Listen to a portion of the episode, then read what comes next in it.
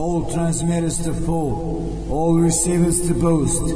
This is Novi Sad calling. This is Novi Sad calling. I repeat, this is Novi Sad calling.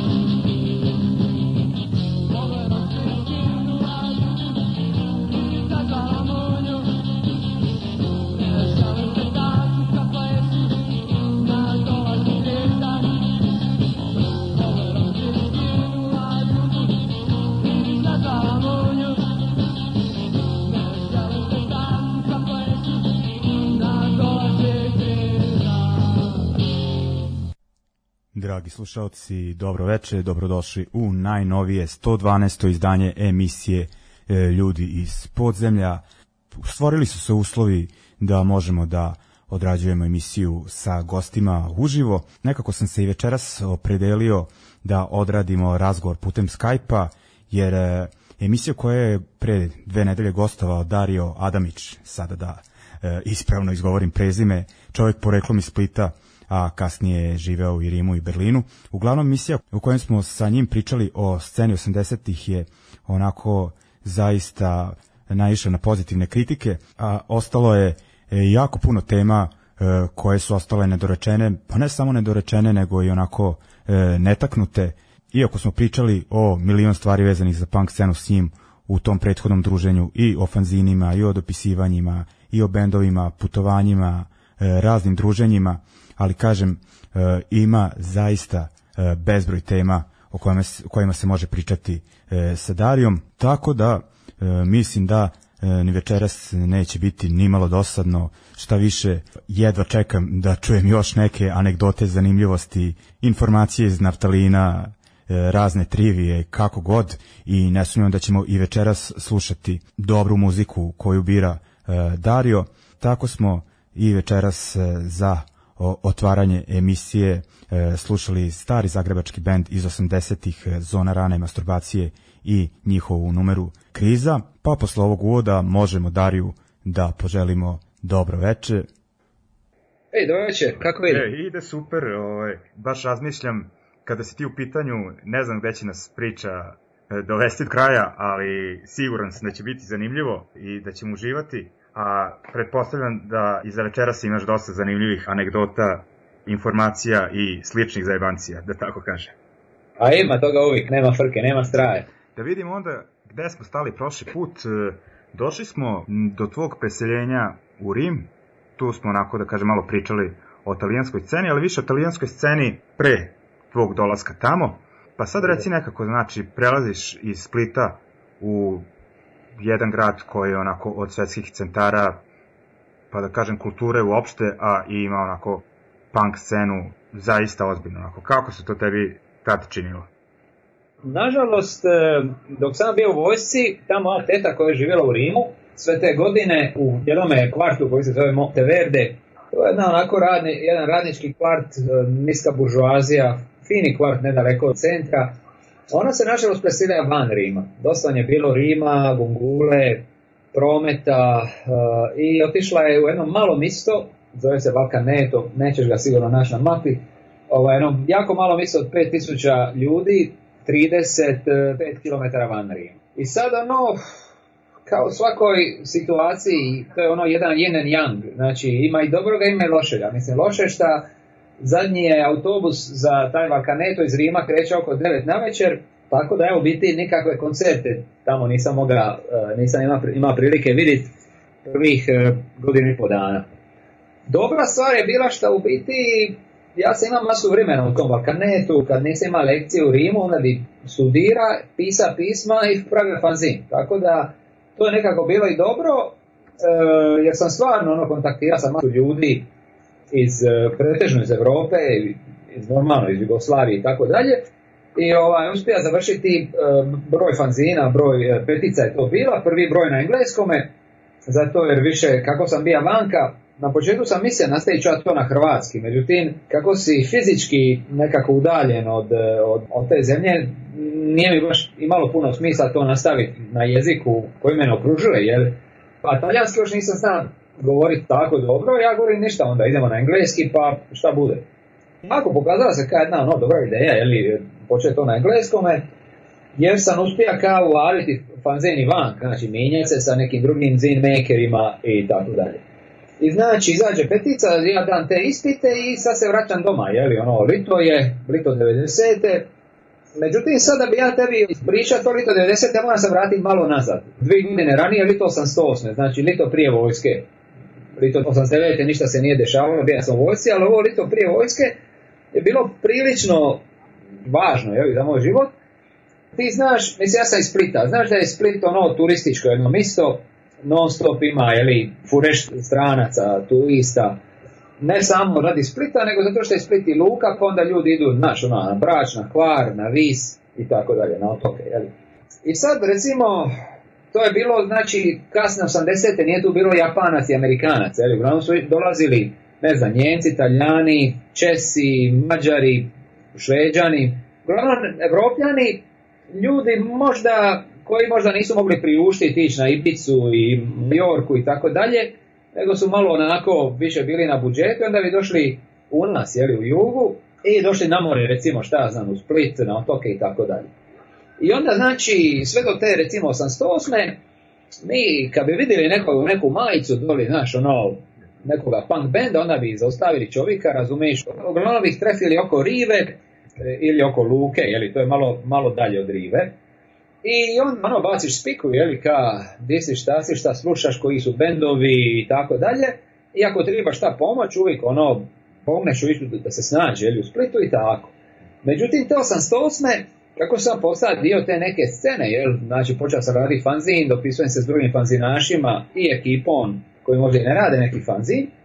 To je nekako dobilo jednu drugu dimenziju i ja sam, recimo, jednog godinu dana već se dopisivao s jednim tipom iz Sarajeva, Saša Milutinović, Sale. I on ima negdje oglas, napravi oglas, ono, ne znam, ti se sviđaš Alana Forda, tako? E, a znači on je iskida neku sliku od Boba Roka i sad ti Bob Rock govori nešto i sad ono onom oblačiću on piše ka želio bi se dopisivati sa vršnjacima, slušam punk, volim, ne znam, ono, on je volio klasični punk ka i ja, znači tu smo se našli, ja sam mora pisati pismo, on meni je odgovorio, pa smo mijenjali kazete i tako. I sad, znači bila je ta prepiska možda jedno, već godinu dana, i kako smo ono bili ka cool, jel ja njemu govorim, slušaj, sale ovi, znaš da je Split ono mislio na moru, evo sad lito, pa dođi u mene, dođi ono, šetimanu dan, straćeš u mene doma, ićemo na more, kamo se družiti.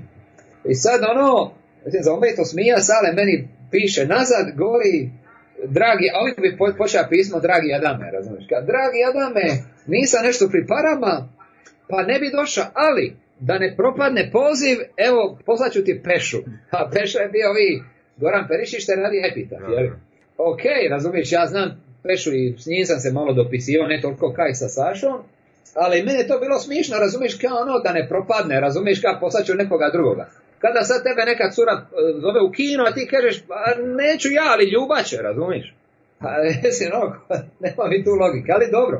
I kao govorim, dobro, aj, neka dođe Peša, nema veze, i dođe Peša u mene, i odmah smo se skontali, on je ono kulje tip, ono malo, malo je flegma, ali je, ali je simpatičan onaj Sarajlija. I sad kako on bio u Splitu, bili su tu još neki Sarajlije, neki njegovi ovi, bio je Igor Bračulj, i taj Bračulj je radio neki fanzin Energy Shower, fanzin na engleskome, bila recenzija u Maxi Rock'n'Roll i tako, i Mladen Vlaški, koji isto neki fanzin radio, ne mogu se sad sjetiti koji, ali obojica su bili ono, zin makeri. I dođu njih dva i sad ono, mi se družimo, idemo na more, s nama je bija Kuzma, ovi što je svira klavijature u mom bendu, baš nećemo. I jednoga dana dođe, e, ne znam si čuo, bio je fanzin Istočna fronta iz Banja Luke, radija ga je Dražen Zarić. I dođe Dražen kao uspjet i ono, nađemo se mi na on kaže, znaš šta ovi, ide nja za otoke, mislim da išao na Brač, ali da sam tvoj broj moj mami. Ja govorim, šta si da moj broj tvoj mami, mislim, koje, veze ima? Govorim, e, pa ja sam ka njoj rekao da ću ja biti kod tebe. Mada ne biti ne sad na brač pa ću spavati u vreći za spavanje, razumiješ i tako dalje. Ha gora, dobro, mislim, nije ti to baš neki plan, šta ako mater nazove, šta će on reći? Ha govori, ka, reci da se na WC-u.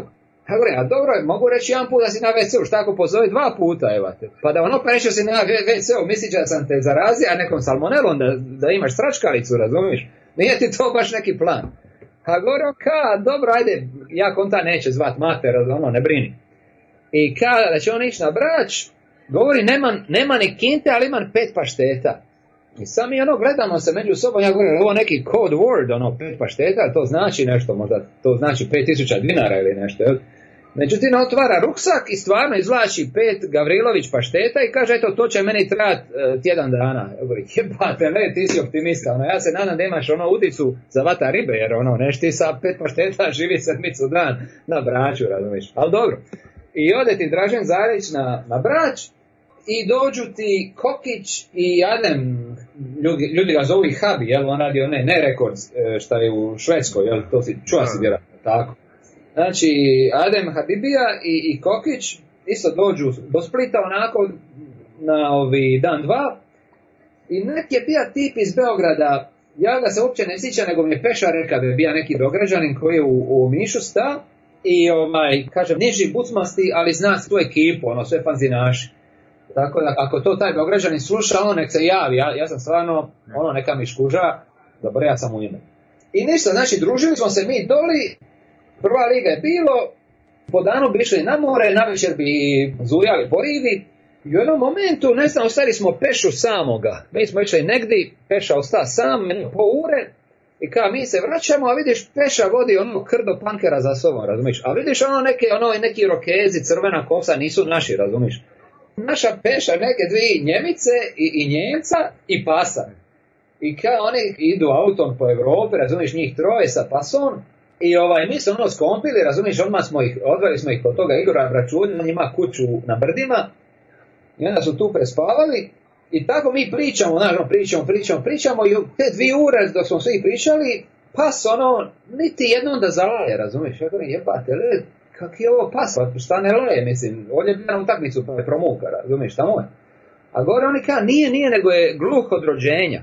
Pa tako da nije naučio lajat. Znači ono gluho njemi pas u biti. Ja jebate, ono, ha dobro, kaj.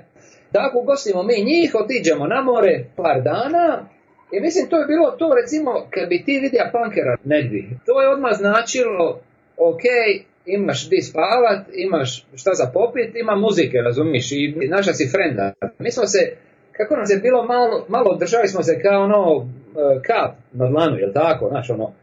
I sad to je bitno u biti za ovu priču iz 90-te, e, Ok, ovdje smo prekinuli prvo Dario izlaganje znači o tim e, lepim vremenima e, i druženja pankera u SFRJ, što se ovog primjera tiče e, e sa sarajevskim pankerima, dakle 88. godina i ostajemo još uvek u toj deceniji i na teritoriji SFRJ i što se tiče sledećeg muzičkog bloka, pa po Darajem izboru e, slušamo zagrebački gen, band Generali i pesmu Gradska prašina i e, naše sugrađane stari band 2 minuta mržnje i pesmu Sudije.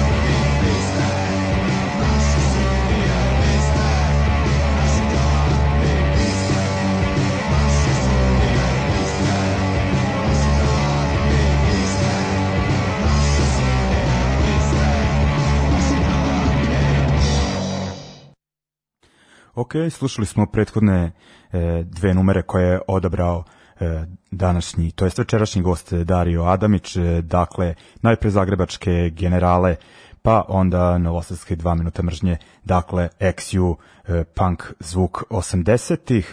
nastavili smo priču dalje sa Darijom, e, u prethodnom bloku smo pričali o njegovim druženjima E, sa fanzinašima i sa ljudima sa kojima se e, dopisivao u tom periodu, dakle druga polovina 80-ih, e, kada je on bio prilično aktivan sa svojim fanzinom Zips and Chains i nakon što je upoznao veći deo scene u bivšoj SFRJ, odlučio se na korak dalje, dakle da ode malo i u stvari ne malo, nego širom Europe i da upozna ljude sa kojima se tada znao samo putem pisama, dakle e, putem dopisivanja, rekao bih zaista smela e, avantura, a on će nam u e, narednih nekoliko minuta ispričati nešto više o tome.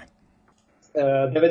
smo se ja, Mladen, Mladen je ovim što ima ploču od filma, zelenu, i Psiho, svi koji kažete što bija, što sam u upozna, kad dogovorili smo se jednom mi na Interrail po Europi, razumiješ, nas trojica. I sve ono planiramo, ićemo i kupili smo ti knjigu Vodič kroz hostele po Europi. Znači podijeljena države, ono ide Andora, Austrija, Belgija, Bugarska, ne znam, Cipar, e, Češka i tako dalje, po cedi I unutra, znači za svaki grad, ako ima hostel, a to su drugačija vremena bila, znaš, u cijelome Splitu, ja mislim, mi smo imali jedan hostel, jedan jedini. Nije to bilo kao sad, razumiješ, na svakom kantonu hostel. Malo je toga bilo. Znači, recimo, prva destinacija bila Budimpešta, mislim da je Budimpešta imala četiri. A ogroman grad, razumiješ, četiri hostela. Međutim, u zadnji tren odusta psiho, znači otišli, krenuli samo ja i mladen, i dođemo ti mi do Budimpešte, ono drugi dan, jeli, prvi dan smo bili u mene u barbe u Zagrebu, ono, rano jutro, možda šest ujutro, mi ono, neispavani, nadrkani, e, tmurno, jutro, siva, budim što razumiš, i mi se pokaramo nešto, je, mladen oko neke pizdari. I ono, ka, ništa, znaš, šta idemo mi svako u svom poslu, ti sam, ja sam, i on uzme tu knjigu i okine na i da meni jednu polovicu. Sad meni je uletila polovica od M do Ž. Znači ja nisam ima Francusku, nisam ima Belgiju, nisam ima Dansku, ali imam sa Njemačku. Tako? Znači, za Njema, u Njemačkoj sam znao dići u kraj, ali i spavat. I Mađarska mi je bila, znači od Mrsanima, jel tako? I sad ono, ništa kad traži ja po Mađar, po Budimpešti i ovih hostele, međutim sve je bilo puno. I vidi na ulicu nekoga tipa, onako sam malo pankerskom frizurom. Nakon se ispostavlja da nije bila pankerska frizura, nego je tip volija depeš mod, Ali ne veze. I ja njemu govorim, slušaj, ono, znaš ti još koji hostel, ova četirišta sam bija, svi su puni on ne zna, ali evo sad ću ja, ću se materi pa moško od nas, razumiješ? I stvarno ono, prespava neko tipa tri dana, prva miga. I sad, šta ću jebimo mater, znaš, sam sam, imam par zemalja gdje su hosteli, a par ih nema, nije ja govorim, ne, ja sad ovih mojih pankera što sam ih upoznao do pisivanja, ili preko fanzina. I prvi u kojega sam otišao je bio taj Manfred, što sam ti ga spomenuo od lita prije, jel taj što ima uh, njemog basa. I otiče ono, Manfreda, razumiješ, plavi mu se ono na vrata, ka, evo me, evo ja, ono, tu sam. I ono, nema problema, družimo se mi kod njega, on je bio negdje u Bajernu, uh, e, bija sam u njega dva dana, a sad iša gori na sjever kod Kristijana koji je radija post fanzin iz e, tako 80-ih, on je neku live kazetu izdao Newtown Eroticsa, Tile Stockbrokera, e, City 4, ono imali smo stvarno sličan ukus što se muzike tiče. Ja sam bio kod njega onako par dana, pa sam išao kod Andersa iz Mizantropic Charity, njih smo slušali neki dan. I sve tako, se ono pojavio na vratima, kao evo tu sam, Znaš, jer nije bilo ovih mobilnih telefona, nisi mogao nekome poslati WhatsApp poruku, nije, toga bilo. Ja sam bio tu na putu i ili imam telefon ili imam adresu. Najčešće ja imam samo adresu i onda bi otišao, jel? U Londonu sam bio kod Davea Fergusona, kojega dosta ljudi zna jer je iz dva razloga. On je imao e, tape label uh, Destroy Tapes i onda bi tu izdava neke kompilacije, na jednoj su čak i KBO bili, on bi ispred ovoga rough trade na Talbot Road uvijek visija i prodava te svoje kazete godinama, ono u 80-ima, 90-ima, svi su ga znali po tome. A za sebe tvrdija da je najstariji punker u Londonu, šta nije, jer ono Charlie Harper ima bar 10 godina, ono, tako da e, nije to istina. I svira u nekom bendu Eh, The Proles. Oni su, oni su imali čak ploču dosta kasnije na Incognito Records, ali band je s kraja 70. Ja sam jako Deva i nakon njega sam otišao u Wells. Znači Wells, neko malo simpatično mjesto, zove se Mertiv Titfield. Iz njega su bili Foreign Legion. Tu je svirala Helen, ona me ugostila, ovaj, i normalno poznao sam sve te bendove koji su tad bili jel, u tom Mertiv Titfieldu. Wells mi se jako svidio jer su jako, jako simpatični, društveni, prijezni ljudi i sad vratim se u London i iću prema nazad, jer nisam sam išao u Švicarsku nakon toga i ja ti stojim ono na Victoria Station i koga ja vidim, mladena je, pa kako ti ovdje? A gore, ajde, ja idem u Škotsku, razumiješ, a gore, ja super, evo ja idem priko Francusku u Švicarsku. Mislim, nama se ti putevi nigdje nisu ukrstili, a gdje su nas se ukrstili, tu smo se i sreli, razumiješ, tačno smo bili u istu ur, isti dan, na istoj stanici. I ono, kada se ništa nije desilo, odnosno, samo smo se ažurirali kako je db bija, je šta učinija, i u to ti prođe jedna pankerica crveno-žute kose. I sad ti voliš nogomet, da, tako? uglavnom. Koji tim ima crveno-žuti dres? U Engleskoj ili? Pa ne, ne u Engleskoj. Ovako, ko ti pada na pamet da ima crveno-žuti dres? Uf, sad gledam, Roma možda. Tako je, tako je. I ova imala žuto-crvenu kosu i ka dres od Rome i to mi je frendica iz Rima bila, Antonella. Sad ono, mi se tu našli, totalna slučajnost. Ja meni, znaš, ono, i sam više kužija šta se dešava. Ljudi koje znam, koji jedni druge ne znaju, svi tu, naš, nešto u Londonu, tisuće kilometara od kuće, ništa više nije bilo jasno.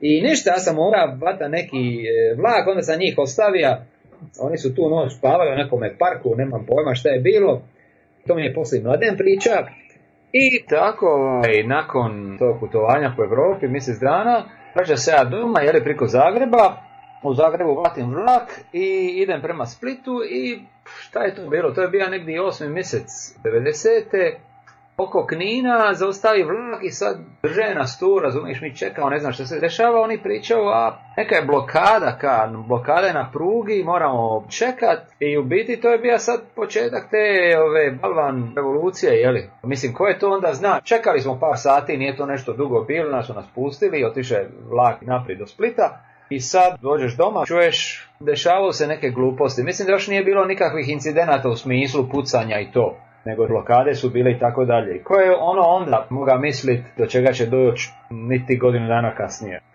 Međutim, jako je bio meni taj internet bitan jer ono, konačno sam upoznao masu tih ljudi koje sam počeo upoznavati jeli, priko pisama, priko Zips and Chainsa i tako dalje. Da, da. Znači, to je bilo lito, lito 90. Da. I koliko si ukupno dana proveo na tom putu, koliko si izdržao? To je bio internet koji, ti je, koji si za 30 dana Moga koristi bilo koji vlak, a platlja si 300 maraka. Znam da, se, da je koštalo 300 maraka i meni, ja mislim, još 300 bija budžet. Znači, za sve postele, hranu, se ima negdje 10 maraka po danu. I znam da sam ti u Berlin, jer je tad u Berlinu taman pa zid, ali se Njemačka još nije ujedinila, tako da su oni još uvijek naplaćivali 60 maraka da bi samo ti prošao kroz istočnu Njemačku i da bi došao do Berlina meni je 60 maraka, mislim, u odnosu na to sve skupa bilo previše i nisam išao. I sad mi je, znaš kao mi je žaj radi toga da nisam te 90. nalito došao do Berlina, ali takva je bila situacija. Ja sam gdje na džeparcu i to je bilo to. Da, da.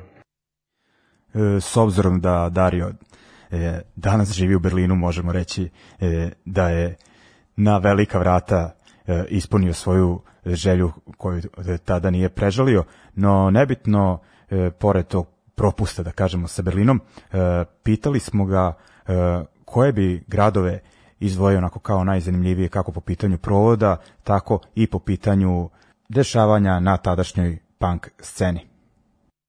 Pa čuj, ono, Njemačko je bilo meni super. Da, pa mislim, svako mislio na svoj način, jel? Njemačko je recimo, jako dobro smo se zabavili, išli smo na koncerte, ja i Kristijan. U Dansko, isto u Danskoj sam bio na prove, Anders je tad svirao u jednom bendu koji se zva President Fetch smo išli u onda na provest nije i tako. London, naravno, bija prva liga i sad, ja sam u London godinu dana kasnije opet došao, ali evo, sad ćemo doći do, do Londona. E, ja, zanimljivo sam se, znači, pomenuo si taj u Kopenhagenu, taj njihov čuveni klub, znači da. ti si bio u ono doba kada je još ta Kristijanija u, u Kopenhagenu onako imala taj da. žešć nezavisni duh, da. ovaj, o tome sam samo čitao, onako baš ti zavidim, prepostavljam da si video nešto što ono, do tad nisi video. Pa da, mislim, ja ne, ja ne znam kako je to sada, danas, jer nakon toga mislim, sam bio samo jedan put u Danskoj, u Kopenhagenu i to nekako usput. Tako da stvarno ne znam kako je to danas, ali ono, da, onda je to bio baš totalno nezavisni kvart. I unutra ono jedna brsko bune, jeli, puna hipika, punkera, frikova totalnih i tako dalje. I sad jedna stvar koja je zanimljiva kod tog mog interaila iz 90. E, je što sam ja podsjetio sve te ljudi sa punk scene, od njih, ajmo reći da sam posjetio deset ljudi, od njih deset, devet je bilo vegetarijanaca. Devet vegetarijanaca, a ova jedan šta nije, je e, Helen, ona je bila vegan. I to je mene totalno raspametilo. Ja nisam znao gdje sam, kako sad svi ti ljudi, ono vegetarijanci, a ja u, u Jugi ili u Hrvatskoj, doma u Splitu, neka u životu nisam nekog vegetarijanca upoznao.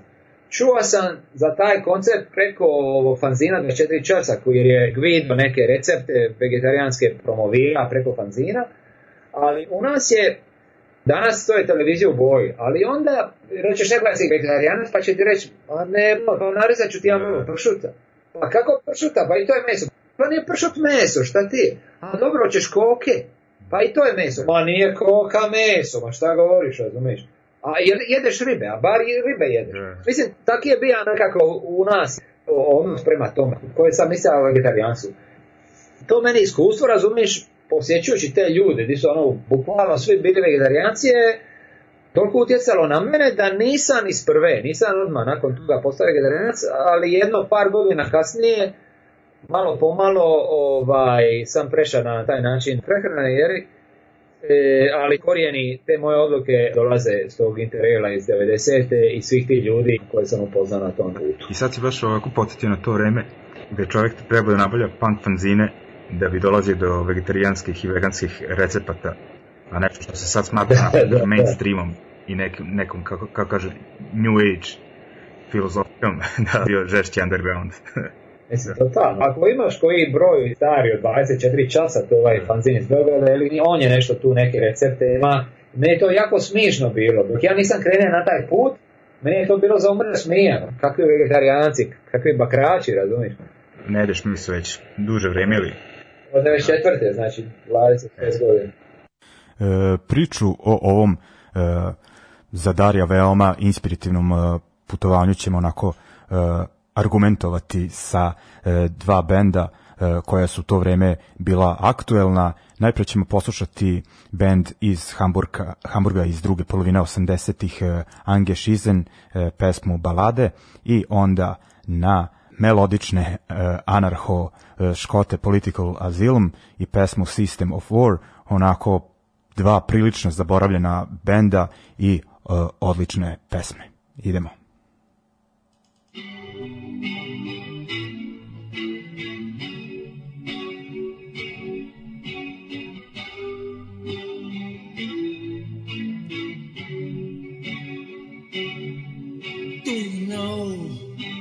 time when you feel it's over? Do you really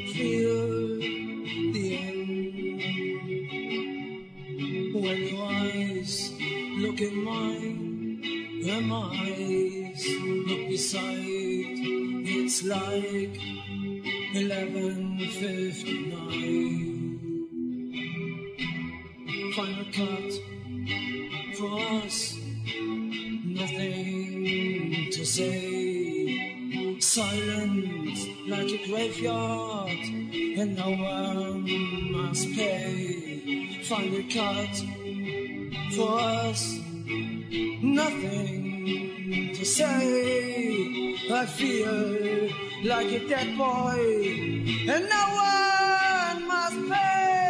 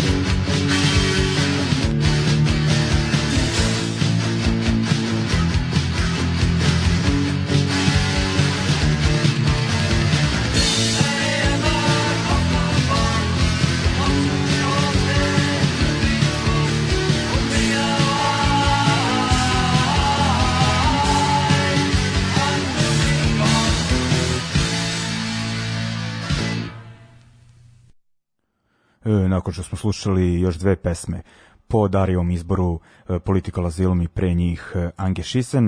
E, nastavili smo priču, ostali smo u 1990. godini, u to vreme Dario zvanično živi u Rimu, student je tamošnjeg univerziteta, ali ipak veze sa Splitom i Jugoslavijom su, da kažem, prilično jake. U kontaktu je sa ljudima i koristi svaku priliku da dođe u Split i gdje još može na neki koncert u Jugoslaviji i dolazi do nekih e, dešavanja, avantura i poduhvata koja e, smatra veoma bitnim u, svom životu. E, znači, to, te 90. ja sam se ono vratio, ali doli u, u Split. Počeli smo raditi te tulume, prvo sam, ispričao sam ti, jedan je bio na Istranci, jedan je bio u ovome muzeju, i, i nama pala na pamet ideja, postoji u Splitu jedan dom omladine. Znači, sagrađen je nedovršen dom za omladinu koji nikad nije zaživio. Uvijek je ostao tako nedovršen, nisu se dovršili radovi, Zjapija je prazan, i neki su sadržaji gore bili, neki klub fanova nastane fantastike se recimo tu skuplja, ali jako malo toga, s obzirom na ogromnu zgradurinu šta je. I onda smo mi napravili peticiju na pjaci, skupljali smo potpise kaj da ćemo to poslati gradu da bi nam dali neki, neki prostor kao nama mladima, jel, čak smo htjeli smo ovaj, napraviti udrugu, jeli, koja bi se zvala Uzrok, udruženje za razvoj omladinske kulture, UZROK, tako. I, ovaj, I onda smo ka skupljali potpise, doli ovi na pjaci, ispred etnografskog muzeja, posudili bi stol od obližnjeg e, restorana i ono, imali smo tu knjigu i onda bi privlačili ljude, objasnili im šta želimo, da bi ti organizirali izložbe, koncerti i takve stvari. I tako dosta nam se u to uključilo, bio je ovaj pokojni Bebek, Planker, Žele, Velat, Dijan Aračić, e, ovaj psiho što se ga spominja. Dosta nas se uključilo oko toga, e, međutim kako sad nakon toga otišao, vratio se u Italiju, niko se puno nije htio baviti tom papirologijom, tako da je sve ostalo na tome. Znači, sakupili smo te potpise i praktički ništa ono dalje to nije išlo, nažalost, jeli? Međutim, mladi su dosta godina kasnije uspjeli ipak doći do tog omladinskog e, doma i počeli raditi koncerti i tako dalje. Ali to je sasvim odvojena priča, nema veze s nama.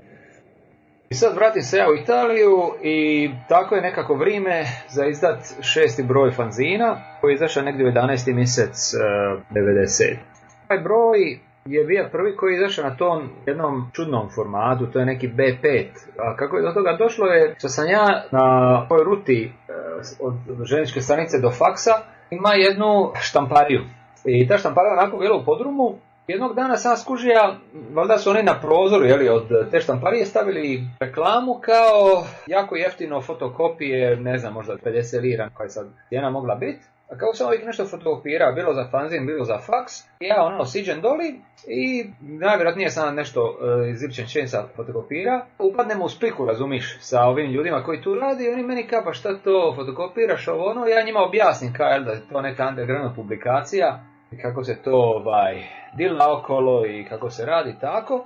I oni nekako ono, zainteresirani za tu stilu spiku, meni kažu pa zašto ti to ne štampaš? Ja govorim, a gdje ću štampa, to je ono 150 komada, mali su to tiraži. I oni kažu, a imamo mi neku mašinu koja štampa sa papirnatim matricama, tako da su troškovi pripreme dosta mali, da izračunamo ka, koliko bi ti komada morao napraviti da bi ti se to isplatilo. I nekako dođemo na neke cifre od 400 komada. Ja govorim ono, pa šta, znamo čak probati, jer ono ipak, je ga, pintan fanzin, ono, to je, ja mislim, san svakog zin-maker. Recimo u nas, ne sjećam se koliko printanih fanzina bi, ja recimo, ne znam, punk problemi iz Ljubljane bi bio jedan. Možda je vrnite otpisani nešto printa kasnije, ali biti jako malo, znaš, ti su išli na neke fotokopije čisto iz tog razloga šta to su bili mali tiraži. Ja govorim, aj dobro, on mi dao taj format, format maksimalne bija B4, znači ga ga prepolovim, dođu, ispadne B5, i pripremim fanzin i na kraju se ispostavilo da u biti taj mali format meni više i nekako odgovara što se dizajna tiče. Lakše mi je bilo raditi dizajn na tom malom formatu nego na velikom. Ne znam sad tačno iz kojeg razloga, ali nekako bolje sam se tu snalazio. I dobro, znači izađe napokon e, ta šestica u 11. mjesec, 400 komada je ono kontan čovječe hoće to izdjelat, maso je to, 150 na 400, znaš.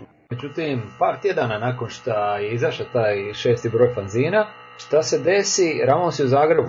Je nevjerojatno bitan događaj. Ramonsi sviraju u Jugoslaviji po prvi put. U ono doba nije bilo većeg punk benda. Mislim, to je stvarno bio maksimum što se moga desiti. Ono, ne znam, bendovi tipa Offspring, Green Day i tako dalje nisu ono uopće bili na nekoj punk mapi. A Pistols i davno, jeli, se raspali, znači Ramonsi, to je bilo to. Svira u Zagrebu krajem 11. mjeseca, znači možda jedno, dva, tri tjedna nakon što je meni izašao fanzin. I čujem se ja s ekipom u Splitu, nazovem curu, koja se by the way zvala Ramona, i dogovorimo sad ću se naći u Zagrebu. Sad otiđem u Zagrebu, ono, sa sobom nosim kišu tih Zips and Chainsa, broj 6, ima sam dogovor sa, sa Tanjom koja je imala dućan u Zagrebu koji se zvao i sve snage. kod od njih ostaje mislim jedno 20 kopija i ima se još bar jedno 40-50 kopija kao za prodat na koncert. I sad e, dođem lako neki do Zagreba, tamo se nađem sa Šimon, mi je ovih presnjava kazete, tako, i stanjom iz, iz sve snage i mislim da tad Alpi još uvijek nije radija u tom dućanu, nego da je on kasnije došao kad su se oni preselili. Oni su prvo bili na Trakošćanskoj, u jednoj maloj niskoj zgradi, a onda su se preselili na Tratinsku. I mislim da je tu Alpi počeo raditi e, za taj dućan a bi onako bio bitna faca što se tiče jugoslavenske fanzinaške scene, jer je Alpi radija u jednoj fotokopirnici tamo 808-89 i u biti ima ovaj, jako jeftin pristup fotokopijama, tako da on u biti fotokopira fanzine za po jugoslavenske scene, ono, ne znam, Epitaf njega fotokopira, ono, fanzini iz Beograda, iz Ljubljane. Svi su slali originale Alpi i onda bi Alpi to množio za neke male pare i onda bi to slao nazad. I on je i sam ima fanzin koji se zva Independence, prično dobar fanzin tamo s krajem 80-ih iz Zagreba. I on je kasnije radija u to dućanu i sve snage. Znači, nađemo se mi i sad e, treba otići na koncert, mislim to je bilo negdje popodne, čini mi se da je bio i Sale Veruda s nama iz Idiota. Bilo se onako grupica nekoliko ljudi i sad ponese na te svoje fanzine i ide na koncert. I sad treba bi se opet vratiti unazad. Znači negdje 87. na jednom od tih mojih putovanja Rim, e, sam na jednom medućanu ploča vidio fanzin koji se zove Rockaway Beach. I ono, wow, fanzin Rockaway Beach, ono, po pjesmi Ramonsa, jeli, kupim ga i vidim da u biti, odmah sam kupio, mislim, 4-5 brojeva. Vidim u fanzinu kada ga radi fan club Ramonsa, koji se igrom slučaja nalazi u Rim. I ono, ka, šta, šta sam uvijek to radio, ono, otiđem jednostavno čovjeku na adresu, Pojavim se tamo, pozvonim, otvorim baš taj tip koji je radio taj Ramon fan Club, Paolo se zove. Tako nas ono, skompamo se mi, e, ja mu kažem kako sam ogromni fan Ramonsa. Ja mu predložim, ova, ja govorim, slušaj, u, nas, u Jugit ima masu ljudi koji su ono, ogromni fanovi Ramonsa, pa ide da ih učlanimo u taj e, fan club. tako sad postaje neki predstavnik Ramons fan kluba za Jugoslaviju i ovaj, učlanija sam možda no, 30-40 ljudi, nema pojma, ono, on mi je da te iskaznice i ja sam ja oglasu par novina, razumiješ, ko želite se učlaniti u Ramos fan club, pošaljite Marku za odgovor. Onda mi neko posla Marku, ja pošaljem njemu ovaj iskaznicu sa imenom i brojem, a Paolo onda pošalje jeli, te detalje. I Znači sad svirao Ramons i naravno Pavle organizira da ima upad, razumiješ da mogu se naći sa Ramonsima napraviti nekim privit. Onda sam ovaj, kad sam uša u dom sportava, uh, išao sam i ono pozna se sa bendom i prvo smo sreli CJ, a on je taman ne baš dugo prije toga ono uključio se bendu i malo ono smo pričali s njima i onda ovaj, sam radio intervju uglavnom sa Joey Ramonom. Joey je bio ono fantastično prijazan i baš ono, duša čovjeka, razumiješ, imali smo super intervju, tu i tamo bi nešto Marki ono ubacija, međutim uglavnom je bilo s njim. Ono. je nešto bio u, u kantunu, što gleda gitaru, tako da on nije ono učestvovao, ali ono sa, sa ima super intervju, pali smo par slika, normalno. Onda e kako njima nije bilo ovaj, cijelo njihovom inturažu, nije bio niko koji je pričao hrvatski, on se sad ponudio jednostavno da im pomognem, pa sam im prodavao majice, ono, stajali su me iza puta, i imali su masu neki ono, merchandise od Ramonsa, onda sam pomogao ili prodava majice. A prije nego što je još koncert počeo, da smo još bili vanka, sam išao s tim fanzinima okolo, čovjeka do čovjeka, ili od grupice do grupice i jednostavno bi došao čovjek uletio i rekao, ej, hoćeš kupi fanzin. Da, tako je otišao na koncert Ramonsa, Ramonsi su, ajmo reći, mainstream za punk. Nije to kada otiđeš, ne znam, u Ataka gledat oj poluj. Ogromna je razlika, tako da masu ljudi nije imalo pojma šta je to fanzin uopće. Pokazao bi im kako su bendovi unutra. Bili su u tom broju Tottenhausen, Mega City 4, Naši su bili abatridi, a bili su kud idioti. Kud idioti tako dobijali nekako već status jako dobrog underground benda u nas, tako da i to pomoglo, znači pokažeš ljudima koji su bendovi u fanzinu i ono ako ih neki od tih bendova zanima, uzmu fanzin tako.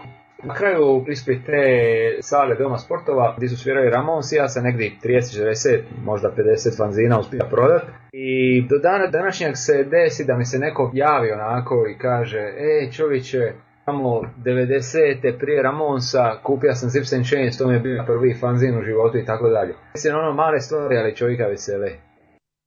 E, dakle, možemo reći da su poduhvat e, Darija i njegovih splitskih e, drugara predstavili neku polaznu tačku na kojoj će se kasnije oslanjati scena u Splitu, kažem, mnogo godina kasnije kada je započeto sa klubom Kocka, pa možemo reći da je delovanje Dario Dario ekipe bilo neki začetak toga, neka polazna ideja.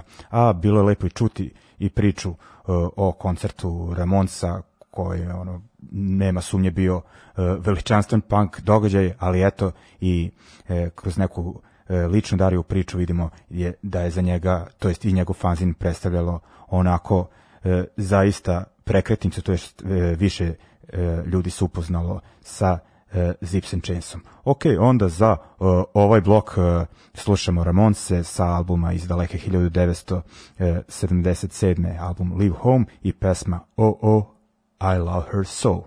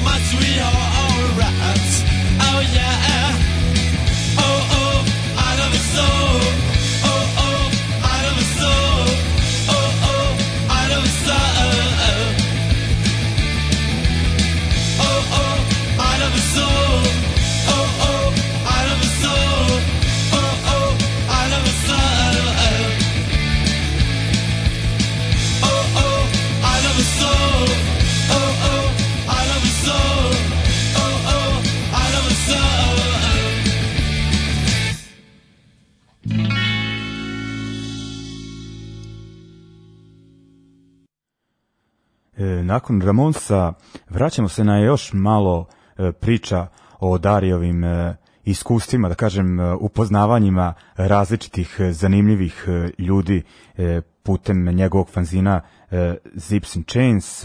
Bilo je tu zaista zanimljivih kontakata i dogodovština, pa da čujemo još jedan dožive, još jedno iskustvo koje Dario izdvaja kao veoma zanimljivo u to vrijeme sam se počeo dopisivati sa jednim od bendova koji su bili u šestici iz Liverpoola, Mere Dead Man, e, skraćeno MDM. I u tom bendu je bila Mandy koja je prije MDM svirala u all girl bendu koji se zvao Iconoclast i oni su ti bili jedan od prvih punk bendova koji je bio u Guinnessove knjizi rekorda. Po čemu?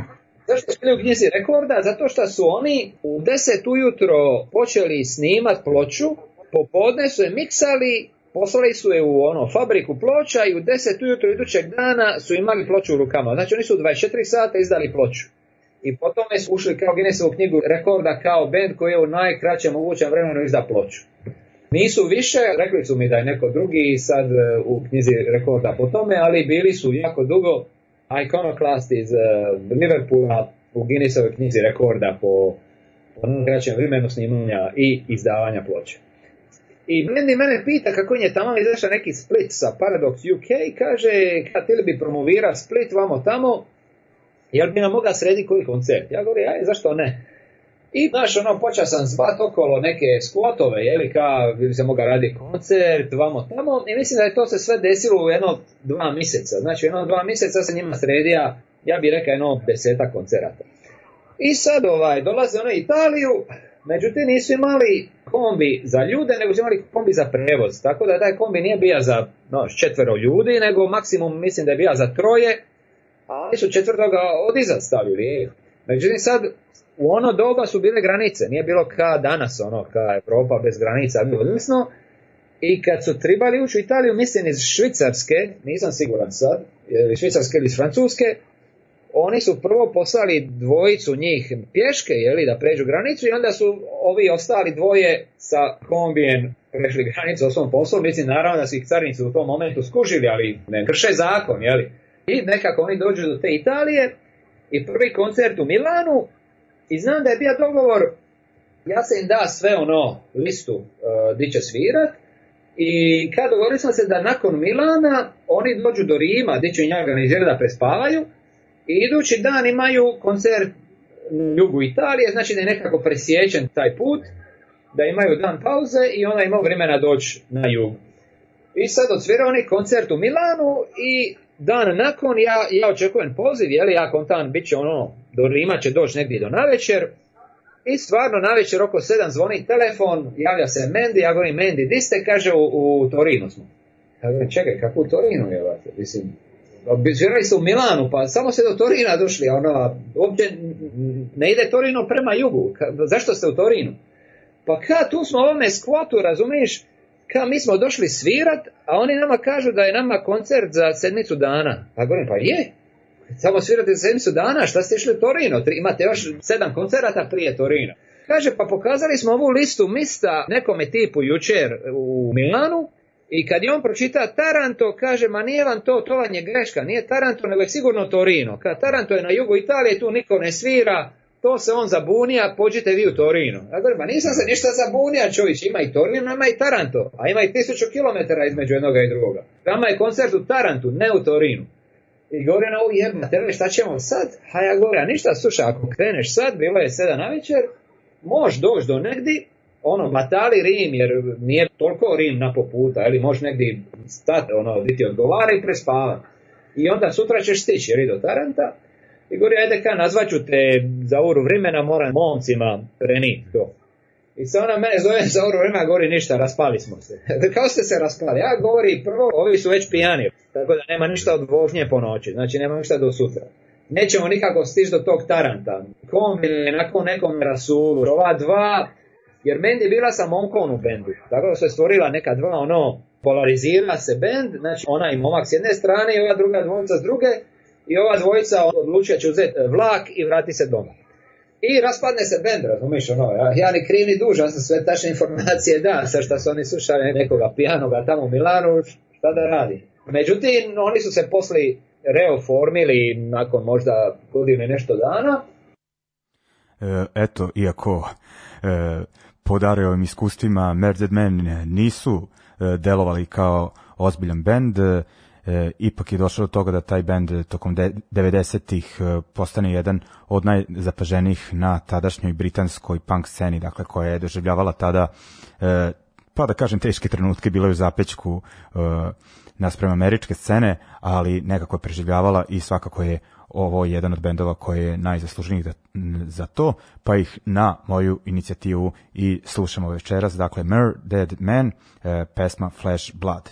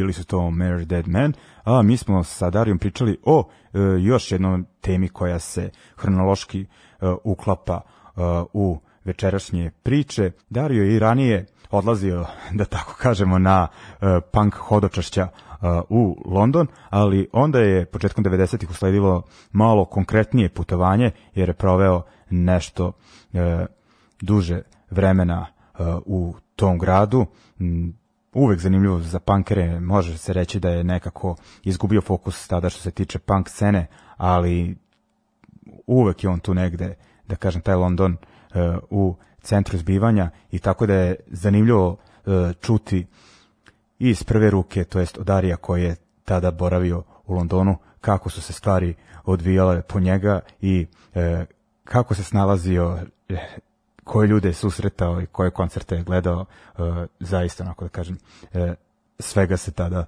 e, nagledao.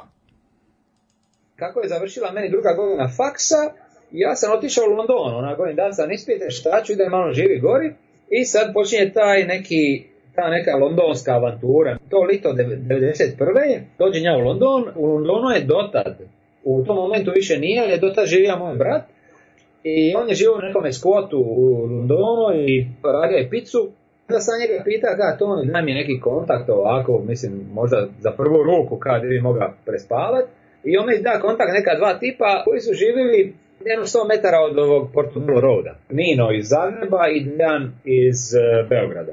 I dođe ako njih dvojice, prvi par dana ništa malo ono, šta zna, ideš po gradu, guštaš, međutim treba je sad naš neki posao, ne možeš ti sa u Londonu, skupi London i prvo sam je palo na da ide u neki restoran raditi, bar, restoran, tako nešto. Međutim, svi mi govore, znaš šta, ne vole ti jugose ovdje, kad, znaš, ono, nisu baš jugosi na dobrom glasu, ja govorim, ništa, pravit ću se tada, ono, šta me briga, kada oni znaju. I dođem ti u neki restoran na Regent Street, znači u centru Londona, i oni meni kao, je, uzet ćemo te, evo, dođu u ponedjeljak, dođi raditi. Ja govorim, super, jer šta treba? Ako je, je, samo donesi ovi e, social security number. A to je broj kojega Talijani imaju, naši nemaju. Znači, ja ga nisam imao. Je, je, mm. Doniću, Doniću, međutim, nema ništa, tako da jednostavno se nisam pojavio ponedjeljak, nego govori ne, ide naći nešto drugo, je nešto di, ne treba ti social security number. I onda smo počeli tu razne neke poslove, bio je dan posao gdje sam prija prodavati ove umjetničke slike. Govorim, gdje ću ja to radi, ne mogu u, u nekom umjetničku sliku na hrvatski, kamo ću na engleski. Mm. Onda, onda je bio neki posao kojeg je Nino radio, on je dilija letke. I sad zajebano kod diljenja letaka ili imaš masu za hodat, ili ono kuća pa kuća pa kuća, znaš ono, svugdje ubaciš jedan letak. Ili otiđeš u neboder i onda moraš ono sve te skale, e, znači ideš liftom do gori i onda si ulaziš, kad po kad. I nakon dva dana, ono, ma neću, koje letke. I onda se jednog dana vidio, ovaj, bio neki tip, znaš one crvene londonske telefone, jel, kao kućica. Da, da, telefonske govornice, evi, ovaj, i vidi nekog tipa, on zabija neke e, biznis karte, razumiješ, e, u te govornice, a pa šta je to? A gledaj, to ja stavljam ono ovi e, reklamu za kurve, jeli, znaš, ono imaš kurva koja radi sad, ne znam, ono se zove Wendy ili Lili i tako dalje, i piše broj telefona. I ili je slika, ili je crtež i tako. Ja govorim, ali dobro, koliko se to plaća i ovim mi reka neku cifru, ja govorim, bilja moga to radi. I on mi da ono jednu biznis kartu od neke, pita Boga kako se sad zvala, ja otišao nje, pozvonija, ja govorim, slušaj, evo me, ono, ako ti treba neko za ove telefone, pa ću ja to. I ona meni dala mac tih e, biznis karti i on se išao od telefona do telefona, onda bi zakačio, znaš, ono, iza mm. telefona to, kad dođe mušterija unutra, ona zove i to je to. Međutim, i to isto kratko trajala, Mislim, tjela ona meni u naturi plati, ja govorim, a šta, treba mi para, moram platiti ovi fit e, doma, kakva natura, anime se. I nađen prva liga popsal, i to sam do kraja mog ovog e, prebivanja u Londonu radija, prava sam prozore auta na, na semaforu, jel? Znači, e, mi se stacionira na semafor s ovim visačem i onda više od auta do auta, vam treba ovi oprat, jer prozor, i onda bi ono neko rekao da, neko bi rekao ne, ali tu bi ja jedno 80 funti na dan. 80 funti na dan je no, Znaš šta, oko ho, lova, znaš, radiš 5 dana, to ti je 400 funti, čovječe, puna čaka brade. I sjećam se da mi je 80 funti bio fit za sedmicu dan u stanu koju smo našli. Tako znači s jednim danom bi platio fit, s jednim danom bi platio spizu za šetimanu dan i, ono, sve, sve drugo što zaradi, znaš, ono ide na koncerte, pizdani i tako dalje. A interesantno je bilo kada smo našli ti stan, ja sam u Londonu upoznao neke dvije Zagrebčanke. a jedna od njih je išla sa bicom iz benda Seksa, ako što za Seksu iz Zagreba.